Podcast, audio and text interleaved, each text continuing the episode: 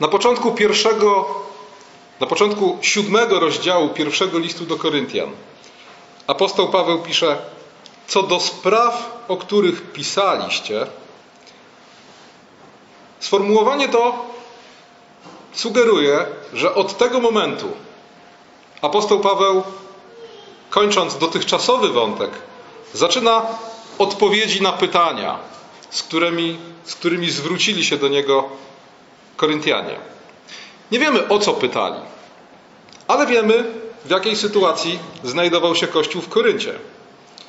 Wiemy, że zmagał się z różnego rodzaju niedojrzałością. Zmagał się z różnego rodzaju pogańskimi wpływami. Czytaliśmy w liście do Koryntian o podziałach, o niemoralności, o procesach, jakie chrześcijanie wytaczali sobie nawzajem przed świeckimi sądami, o napięciu pomiędzy mądrością tego świata, czyli pogańską filozofią, a objawieniem, Słowem Bożym.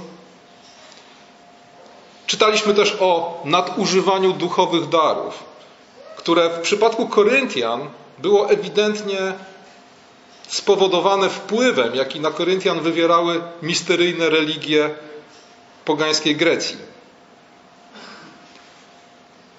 Ale apostoł Paweł pisze też o składaniu, o spożywaniu mięsa składanego w ofierze bożkom, co też dla Koryntian było jakimś problemem sumienia. Ale były też poważniejsze problemy. Uwiedzeni grecką filozofią, Koryntianie mieli problem z tym, żeby zaakceptować cielesne zmartwychwstanie Chrystusa. I dlatego apostoł musiał bardzo ostro na ten temat pisać, posuwając się nawet do sformułowania: Jeśli Chrystus daremnie, jeśli Chrystus nie zmartwychwstał, daremna jest nasza wiara. Jesteśmy pożałowania godni. W kilku wątkach pierwszego listu do Koryntian prze, przenika, pojawia się wątek problemu z cielesnością. I to jest charakterystyczne dla tamtego środowiska. Poganie w tamtym czasie miotali się od ściany do ściany. To znaczy, uznając cielesność za coś generalnie czasem podejrzanego, czasem mało istotnego w kontekście duchowym, niektórzy szli w kierunku całkowitej ascezy i abstynencji seksualnej, inni w kierunku orgii i pijaństwa. Ale jedno i drugie jest tak naprawdę przejawem tego samego przejawem tego, że nie potrafili sobie poukładać, jakie miejsce ma cielesność, materialny świat z wszystkimi jego aspektami w duchowym kontekście.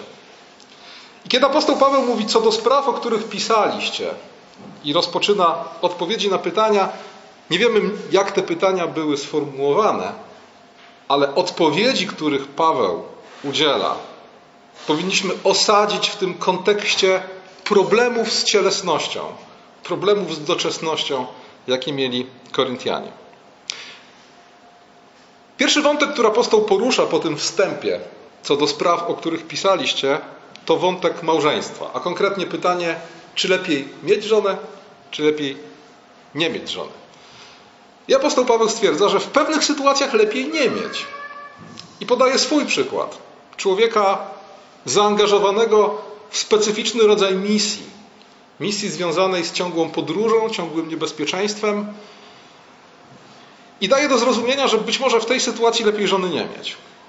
Ale, mówi, chciałbym, żeby wszyscy byli tacy jak ja, ale każdy ma swój własny dar łaski. I zobaczcie, apostoł Paweł stan małżeński, czy w jego przypadku bezrzędny, nazywa stanem łaski. To jest też dla nas pewna wskazówka, żebyśmy stan, w którym żyjemy, tak właśnie odczytywali, jako stan łaski, jako stan, w którym znajdujemy się nie przypadkiem, stan, który zarówno bezrzędność, jak i małżeństwo ma swoje wyzwania i swoje przywileje, ale w jednym i w drugim przypadku jest to Boża łaska, że jesteśmy tu, gdzie jesteśmy, I w tym stanie możemy służyć Bogu. I generalnie apostoł Paweł mówi: każdy ma swój dar łaski, ale niechaj każdy ma swoją żonę dla pewnych powodów, Co sugeruje, że jednak traktuje swój stan, stan bezrzędny, jako raczej wyjątek od reguły, a reguła brzmi: niech każdy ma swoją żonę. Co więcej, apostoł Paweł w tym kontekście, rozważając, czy lepiej mieć żonę, czy lepiej jej nie mieć, mówi: niech każdy ma swoją żonę, niech każda ma swojego męża, i od razu przechodzi do kwestii współżycia w małżeństwie, pisząc, żeby małżonkowie od tego współżycia nie stronili.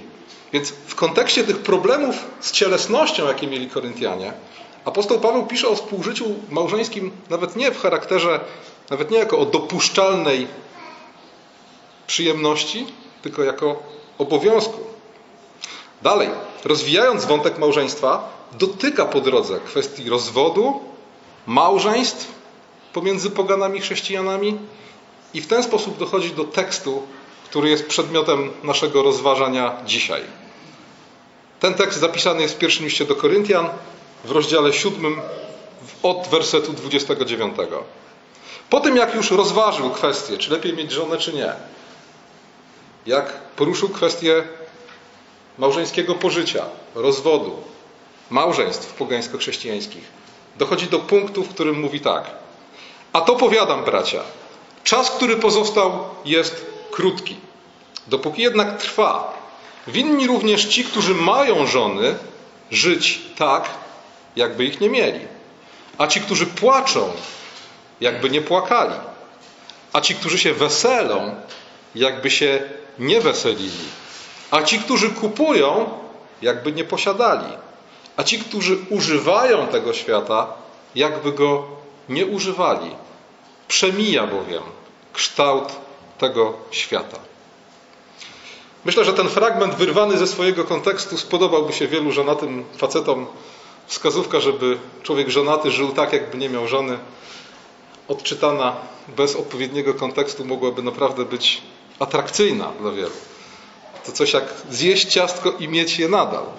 Ale kontekst jakby sprowadza nas na ziemię. Kontekst mówi nam, na przykład werset 33, i apostoł Paweł mówi to jako rzecz oczywistą, że człowiek żonaty dba o to, jakby się przypodobać żonie. Wcześniej z kolei apostoł Paweł mówi, że człowiek żonaty nawet własnym ciałem nie rozporządza. A co dopiero czymkolwiek innym.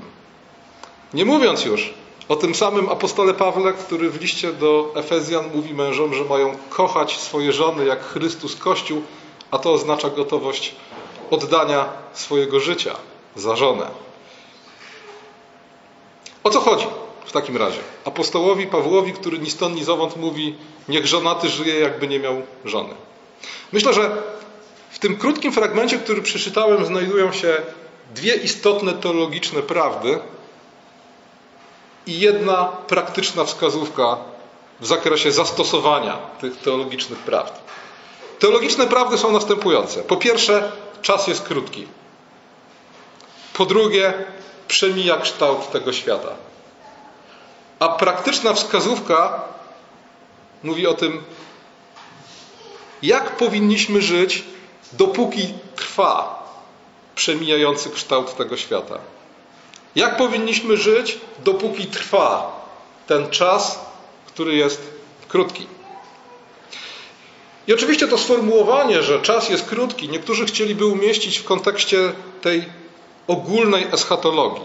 Na zasadzie za dwa lata koniec świata. Czas jest krótki, wszystkie sprawy odkładamy, bo za chwilę przyjdzie Chrystus. Ale niekoniecznie to apostoł Paweł mógł mieć na myśli. Mógł mieć na myśli na przykład nadchodzące prześladowania, tamtym czasie. Raczej to sformułowanie czas jest krótki oznacza, czy należy odnieść do takiej osobistej eschatologii. Niekoniecznie za dwa lata koniec świata, ale mój czas na ziemi jest krótki. Każdy, kto skończył 40 lat, wie, że czas biegnie cztery razy szybciej po 40. Czas jest krótki. Jest, przychodzi taki moment, kiedy człowiek zaczyna sobie uświadamiać, że nie jest w stanie zrealizować wszystkich swoich planów i marzeń. Że nie jest w stanie nawet przeczytać książek, które ma w swojej domowej biblioteczce. Bo prawdopodobnie mu na to nie starczy życia. Świadomość tego, że czas jest krótki, jest istotna. Dlaczego? Dlatego, że ta świadomość sprawia, że pamiętamy o tym, że musimy wybierać, w jaki sposób spędzimy ten krótki czas, który nam pozostał. Że skoro nie na wszystko wystarczy czasu, to istotne są wybory, których dokonujemy. W jednej z piosenek Jacka Kowalskiego jest takie, taki tekst: Myśląc o dniu dzisiejszym, myśl zawsze o końcu świata. Nawet jeśli nie tym ostatecznym, to o końcu własnego świata. Myśląc o tym, co robisz dzisiaj, pomyśl, jakie to ma znaczenie w kontekście tego, że czas jest krótki i nie na wszystko ci go wystarcza. Dalej, apostoł mówi: Przemija kształt tego świata, a posiadanie dóbr materialnych, używanie tego świata i małżeństwo, trzy rzeczy, o których wspomina, należą do porządku tego świata. Po śmierci nie zachowam nic z tego, co zgromadziłem. Jest takie tureckie przysłowie, że całuny nie mają kieszeni. Nic z tego, co zgromadziłem, nie będzie moje po śmierci. Niczego nie będę mógł używać po śmierci. Niektórych rzeczy nie będę mógł używać już wkrótce pewnie. Co więcej, kiedy umrę, moja żona będzie mogła wyjść powtórnie za mąż, bo śmierć jest końcem małżeństwa. A więc wszystkie te trzy rzeczy używanie tego świata, gromadzenie i małżeństwo należą do porządku tego świata, który przemija. Najpóźniej w dniu powtórnego przyjścia Chrystusa, a dla mnie osobiście w dniu mojej śmierci, wszystko to przemija. I oczywiście, skoro czas jest krótki, a postać tego świata przemija, to bardzo istotne jest pytanie, w jaki sposób powinniśmy ustawić się w stosunku do tej rzeczywistości. Co zrobić z postrzeganiem rzeczy, czy jak postrzegać rzeczy, które przemijają? Oczywiście wszyscy wiemy, że jest w Starym Testamencie taka księga, która o tym właśnie mówi. Księga Kaznodziei Salomona. Salomon stawia tam tego typu pytania. Mówi, skoro słońce wschodzi i zachodzi, skoro pokolenie kolejne przychodzi i odchodzi i zawsze to samo, i nic nowego pod słońcem. I człowiek się dorabia ciężko pracując, a potem musi to zostawić i nie wiadomo komu to zostawia. To wszystko jest marnością i gonitwą za wiatrem. I co w związku z tym? Oczywiście nam to słowo marność kojarzy się bardzo pejoratywnie z czymś, co jest pozbawione znaczenia, aczkolwiek niekoniecznie o to chodzi Salomonowi, ponieważ gdybyśmy przyjrzeli się hebrajskiemu słowu, które Salomon używa, to widzimy, że właśnie nie na marność, a więc na nieposiadanie znaczenia, tylko na chwilowość, ulotność, przemijalność tego świata zwraca nam uwagę Salomon.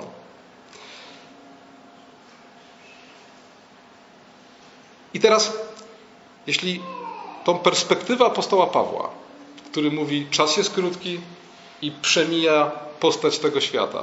Jeśli nałożymy na nią perspektywę Salomona, który mówi: Tak, rzeczywiście świat jest nie tyle marnością nad marnościami, jak to przyzwyczailiśmy się czytać, ale mgłą, ulotnością, poranną mgłą, którą rozwieje wiatr.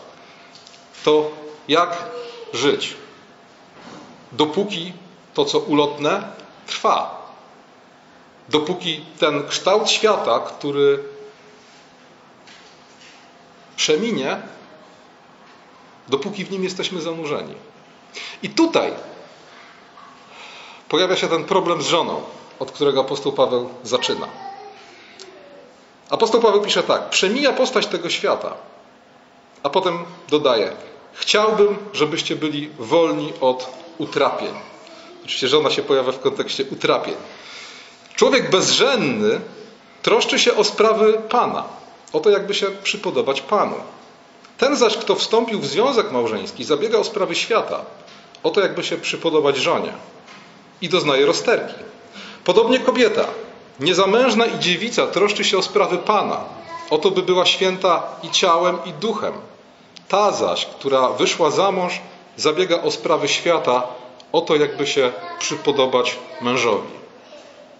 I słuchajcie, kluczowym słowem tak naprawdę jest tutaj słowo nie utrapienie, tylko rozterka.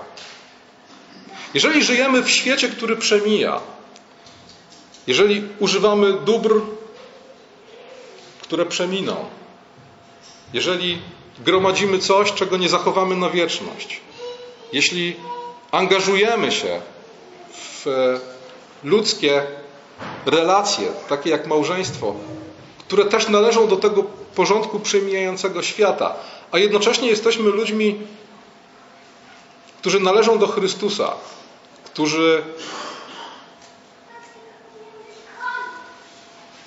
dla których wieczność jest celem życia w teraźniejszym świecie, to prędzej czy później pojawi się swego rodzaju rozterka. Bo apostoł Paweł mówi: Chcemy się podobać Panu, jako ci, którzy do Pana należymy, jako ci, w których sercach Duch Święty wzbudził wiarę, nadzieję i miłość. Bóg jest ostatecznym celem naszego życia.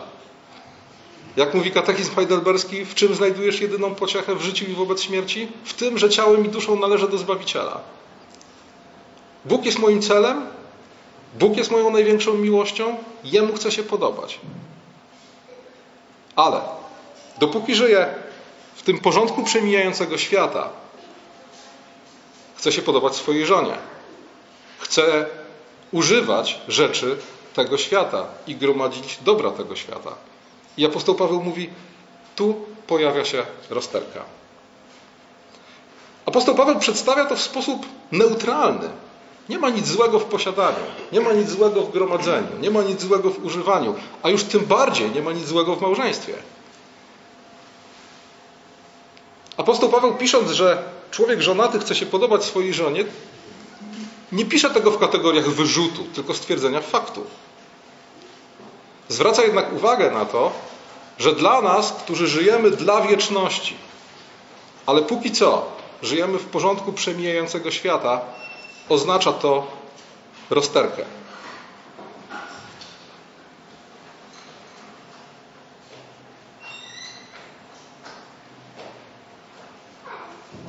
Kiedy, co robić w takim razie? Jak poradzić sobie z tego typu rozterkami? I tutaj, kiedy zastanowimy się nad tym, czym jest małżeństwo i czemu małżeństwo ma służyć, pierwszy wniosek, jaki się nasuwa, to wniosek taki, że małżeństwo może być niestety w życiu człowieka wierzącego złym ciężarem. Kiedy jest takim złym ciężarem? Ciężarem, który przeszkadza nam w naszej ziemskiej pielgrzymce, w naszym wędrowaniu za Chrystusem? Przede wszystkim wtedy, kiedy wybieramy małżeństwo z osobą niewierzącą. Bo jeśli człowiek żonaty chce się podobać swojej żonie, to sytuacja, w której chce się podobać komuś, kto nie chce się podobać Chrystusowi. Sytuacja, w której chce się podobać komuś, dla kogo Chrystus nic nie znaczy, dla kogo sprawy Królestwa Bożego nic nie znaczą, ta sytuacja powoduje, że naturalna rozterka, o której apostoł Paweł pisze, staje się dużo większa, staje się niewyobrażalna wręcz.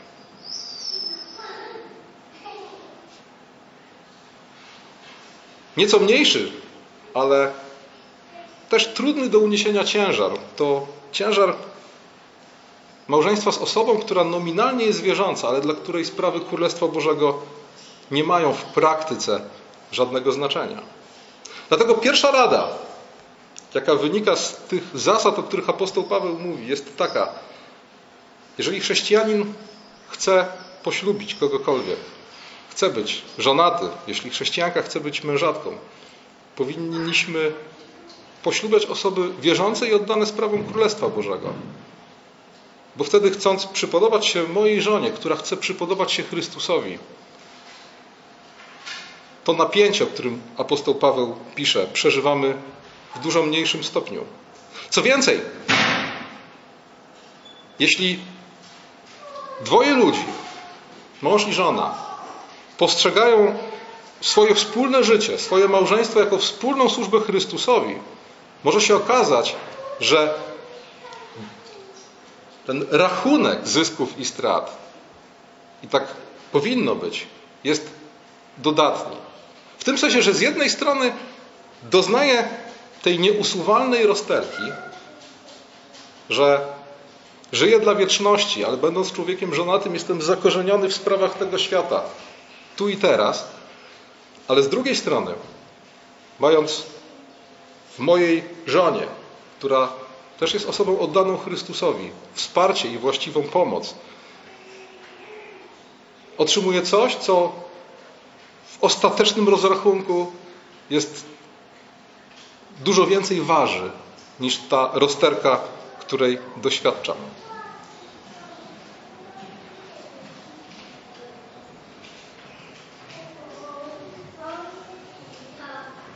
Kiedy sięgniemy do Księgi Kaznodziei Salomona, zobaczymy, że Salomon przedstawia rzeczy, które przemijają, jako przemijające i pokazuje nam, że możemy w stosunku do tych przemijających rzeczy przyjąć dwie różne perspektywy. Ludzka perspektywa ostatecznie doprowadziłaby nas do wniosku, że skoro przemija to, co przemija, to oznacza, że jest to tak naprawdę pozbawione znaczenia. I że tak naprawdę, skoro jest pozbawione znaczenia, no to albo już dzisiaj porzućmy to, co przemija. Skutkiem tego sposobu myślenia jest asceza, albo w bezmyślny, bezrefleksyjny sposób używajmy wszystkiego zgodnie z naszymi wszystkimi możliwymi pragnieniami i porządliwościami. No bo skoro to przemija, no to póki jest, to się nacieszmy, a potem to i tak nie będzie miało znaczenia. I ta grecka, pogańska postawa, to miotanie się od ściany do ściany w kwestiach doczesności i cielesności wynika właśnie z tej ludzkiej perspektywy na przemijalność. Kochelet natomiast, Salomon, pokazuje nam zupełnie inną perspektywę. Pokazuje nam, że to, co przemija, przemija, ale pomimo, że przemija, ma znaczenie dla wieczności. Dlatego, pomimo tego wstępu, kiedy kaznodzieja Salomon zdaje się mówić, że wszystko przemija i w zasadzie nie wiadomo po co to wszystko, Księga Kaznodziei Salomona pełna jest konkretnych wskazówek dotyczących tego, jak żyć. Salomon mówi o tym, żeby dzielić się z innymi chlebem, żeby siać dobre ziarno, nie zważając na wiatr, żeby radować się i używać dobrych darów Bożych, żeby pamiętać o Stwórcy w kwiecie swojego wieku. Dwunasty rozdział. Żeby nie odkładać pojednania z Panem Bogiem i spraw duchowych na starość. I wreszcie podsumowuje swoje wskazówki w 12 rozdziale 13 wersecie mówiąc aby bać się Boga. Bo choć Wszystkich nas czeka ten sam kres, jak mówi Salomon. To znaczy, wszystko, wszyscy tak samo pomrzemy. Wszyscy tak samo umierając, rozłączymy się ze swoimi współmałżonkami. Wszyscy tak samo umierając, zostawimy rzeczy, których dzisiaj używamy. To, co po nas zostanie, ktoś odziedziczy i nie do końca mamy wpływ na to, kto to jest, kto to będzie, nie do końca mamy wpływ na to, w jaki sposób zgromadzone przez nas dobro będą używane, czy w dobry, czy w zły. Ale ten sam kres nie zawsze oznacza ten sam bilans. W zasadzie powinniśmy powiedzieć ten sam rachunek zysku, bo bilans jest zawsze na zero ten sam kres nie zawsze oznacza ten sam rachunek zysków. Ponieważ w zależności od tego, w jaki sposób ustawimy się w życiu wobec tego, co przemija, w jaki sposób będziemy z tego, co przemija, korzystać, będzie to miało swoje skutki dla wieczności. Apostoł Paweł mówi: Czas jest krótki, przemija postać tego świata. Jeśli Twoim celem jest wieczność, to będąc żonaty, żyj tak, jakbyś żonaty nie był. Używając, żyj tak, jakbyś nie używał. a posiadając tak, jakbyś nie posiadał. I oczywiście jest to typowa dla nowotestamentowego, czy szerzej żydowskiego sposobu myślenia i wyrażania się przesada. To tak jak Chrystus, kiedy mówi, kto nie ma w nienawiści swoich krewnych, nie jest godzien, aby za mną pójść. Ta przesada w sformułowaniu ma jeden konkretny cel. Ma nam pokazać, że w obliczu tego, co wieczne, musi ustąpić to, co przemijające. I że na przykład to, że jestem biedny, bogaty, żonaty, nieżonaty, nie powinno być dla mnie wymówką, jeśli chodzi o sprawy Królestwa Bożego. Jeśli chodzi o sprawy Królestwa Bożego, moje zobowiązania wobec tego świata, wobec najbliższych, one są szczegółowo w Piśmie Świętym opisane. Ja wiem, czy też powinienem wiedzieć, czytając Pismo Święte, w jaki sposób powinienem realizować swoje powołanie jako mąż i ojciec. I żadne powołanie, żadna służba w Królestwie Bożym, w Kościele mnie z tych zobowiązań nie zwalnia. Wręcz odwrotnie. Apostoł Paweł mówi, kto nie dba o swoich, zwłaszcza domowników wiary, ten zaparł się wiary i gorszy jest od niewierzącego. Ale jednak apostoł Paweł mówi, biorąc pod uwagę, że czas jest krótki i biorąc pod uwagę, że przemija postać tego świata,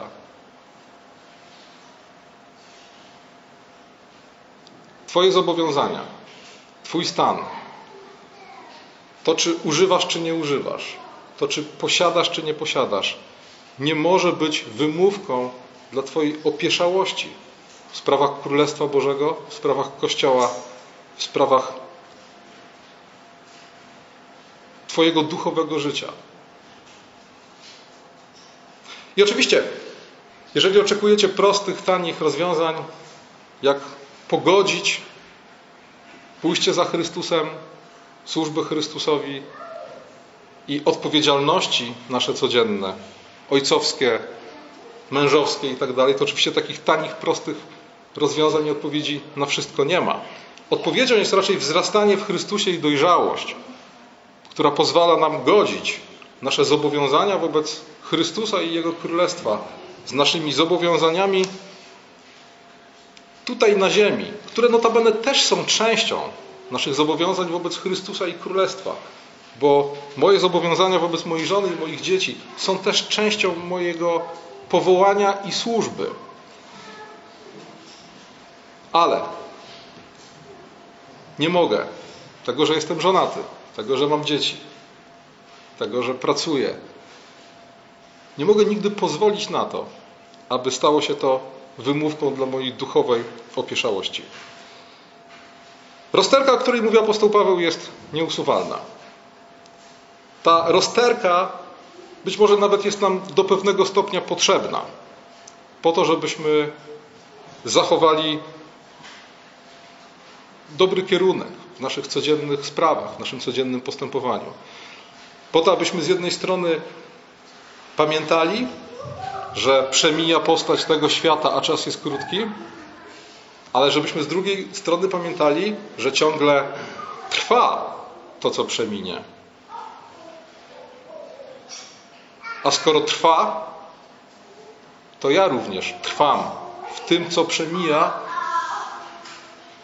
I to, co przemija, ale póki co trwa, określa zakres mojego życia, moich obowiązków, moich powinności. Nie mogę dzisiaj zachowywać się tak, jakby przeminęło to, co jeszcze nie przeminęło. Każdy sam w swoim sumieniu musi ocenić, jaką rolę w jego życiu odgrywa posiadanie i gromadzenie, jaką rolę w jego życiu odgrywają relacje z najbliższymi, przy uwzględnieniu tego wszystkiego, co na ten temat mówi Słowo Boże. Słowo Boże mówi, abyśmy swoich najbliższych kochali, abyśmy o nich dbali.